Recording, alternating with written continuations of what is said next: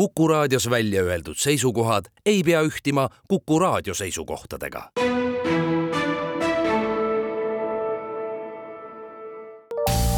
terviseks. saade valmib koostöös Ida-Tallinna Keskhaiglaga. vaata ka itk.ee tere, head Kuku kuulajad, eetris on saade Terviseks ja me räägime täna lümfidest ja nendega seotud äh, terviseprobleemidest. mina olen Ingela Virkus ja koos minuga on stuudios Ida-Tallinna Keskhaigla taastusravikliiniku osakonna juhataja ja taastusarst äh, doktor Meeli Mumma, tere! tere! Lümfidest rääkides me saame rääkida lümfisüsteemist, ma saan aru, et äh, mida see täpsemalt endast kujutab? no kui veresooned moodustavad vereringesüsteemi, siis tegelikult lümfisüsteem on analoogne. ta on natukene teistsuguse välimusega, natukene pindmisem, natuke teistmoodi, aga, aga ta kogub seda niisugust vedelikku mis võib siis muutuda paksemaks, võib olla vedelam, mis kaitseb organismi ja moodustab siis soonestike võrgustiku, jah. millised on levinumad lümfidega seotud siis äh, terviseprobleemid?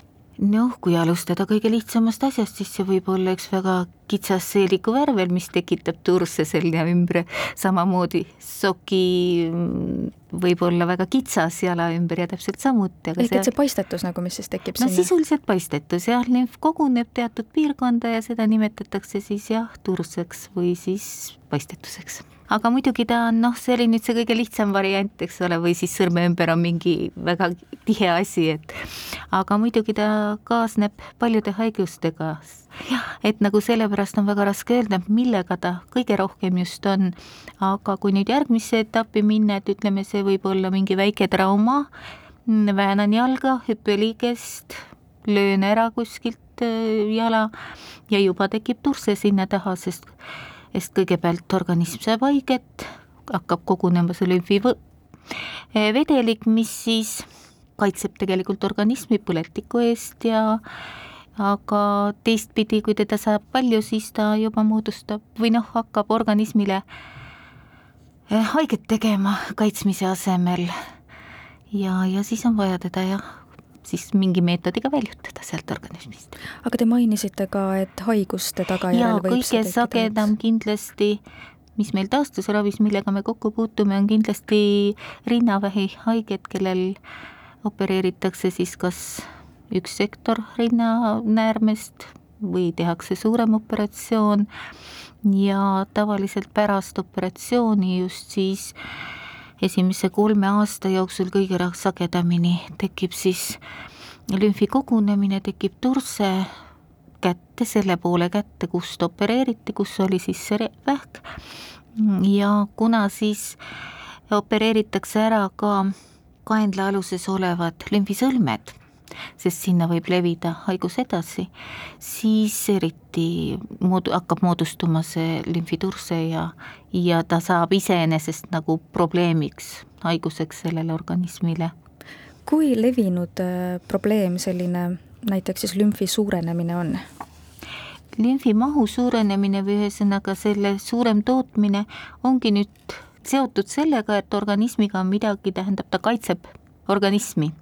lümfisüsteem saab nagu aru, et ahaa, midagi on nüüd lahti, oli see siis trauma, oli see operatsioon näiteks, teine asi, mida me palju näeme, on ju suurte liigeste operatsioonid, endoproteesimised, pusa või siis põlveliigestel, siis seal ka alati pärast operatsiooni esimestel nädalatel on ikkagi sellel jalal turse mis hetkel see probleemiks saab, et äh, kui mul on näiteks sokid natukene pigistanud mm -hmm. jalga ja tekib mm -hmm. väike selline paistetus mm, -hmm. siis see läheb ju üsna kiiresti ära? see läheb kiiresti mööda, aga kõigepealt tuleb likvideerida see põhjus. sokk ära võtta? jah, sokk ära võtta või siis on tal see kumb seal mm -hmm. seejärel nii tugev või midagi, noh, see oli niisugune kõige lihtsam näide selles mõttes, aga see on ka sisuliselt ikkagi lümfiturse. aga mis hetkel siis tasuks juba arsti poole pöörduda, et mis hetkel see probleem on?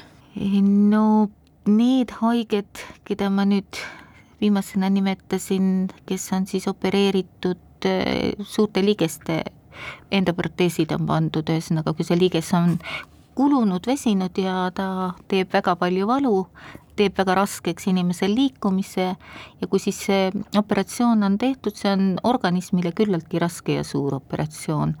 ja siis nad tulevad meile ka taastusravile täpselt samuti, mitte muidugi ainult selle turse alandamiseks, aga ka kõik valuraviks, liigesliikumise parandamiseks, kõnnimustri parandamiseks, aga sinna juurde käib ka siis see turse vähendamine. ehk et kui see turse on olnud juba pikemat aega, mida see siis tähendada võiks? No oleneb, millega seoses see turse on pikemat aega, sest noh, kõik need väikesed noh, jäid sõrm kuskile vahele, noh, on kaks päeva turse või midagi sellist, midagi hullu ei juhtu, natuke külma peale, nagu me teame, väiksed trauma puhul ja on möödas.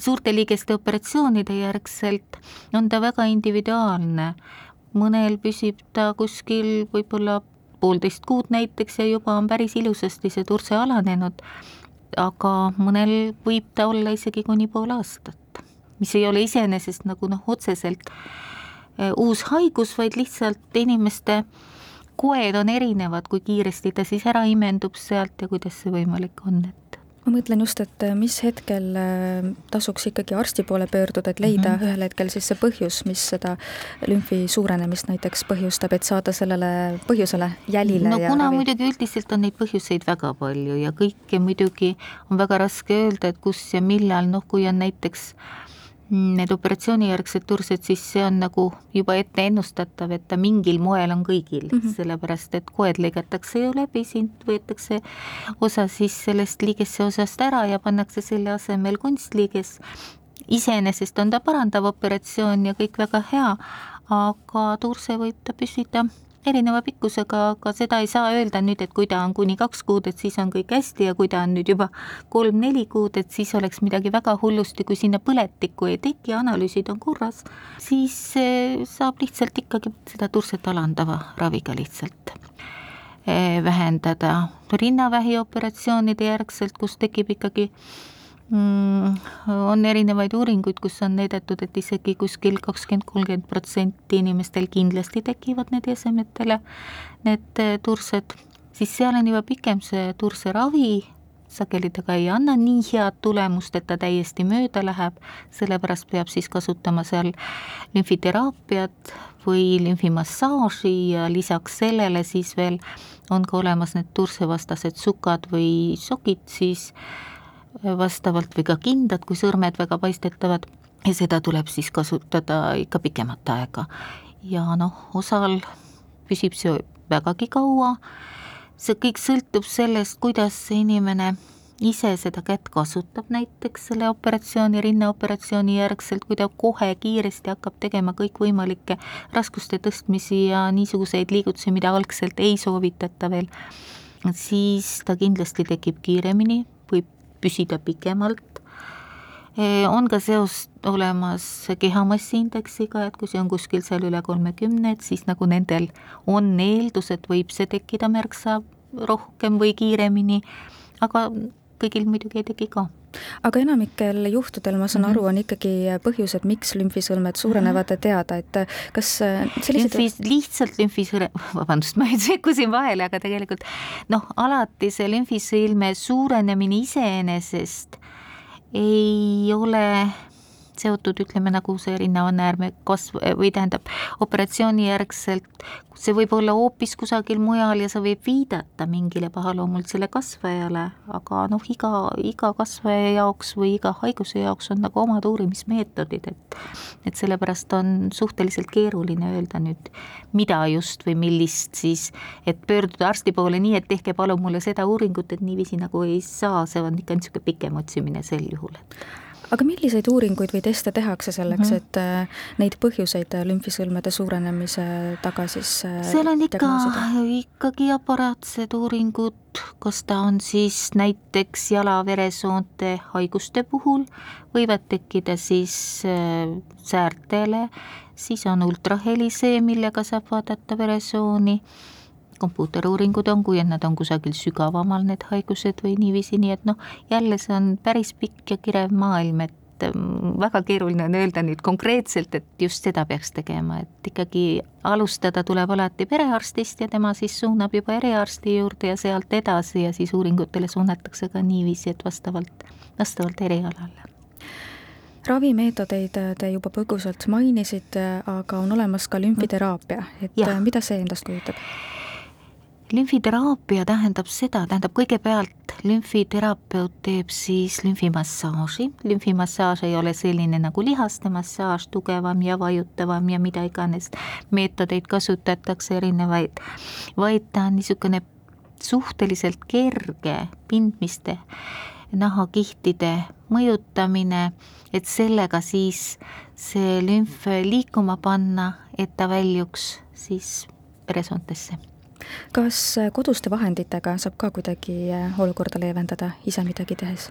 see oleneb muidugi, no laias laastus mitte, aga kes oskab tõesti ka või noh, ka lümfiterapeut on ju õppinud seda lümfimassaaži, et võimalik on õppida muidugi, aga aga lümfiteraapia koosneb siis kahest osast, on see massaaži pool, kus siis nad juhitakse see liigne lümf sinna nendesse suurematesse lümfi kollektoritesse ja sealt siis välja alles selle kaudu siis veenidesse.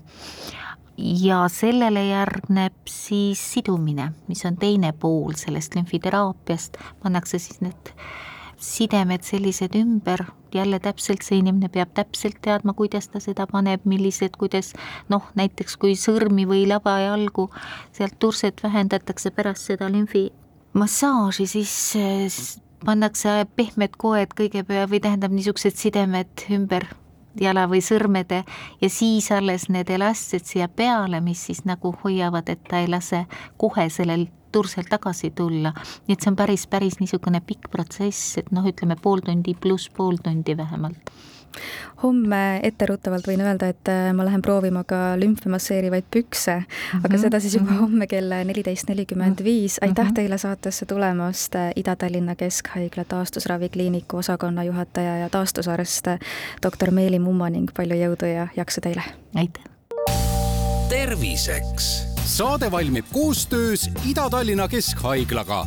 vaata ka itk.ee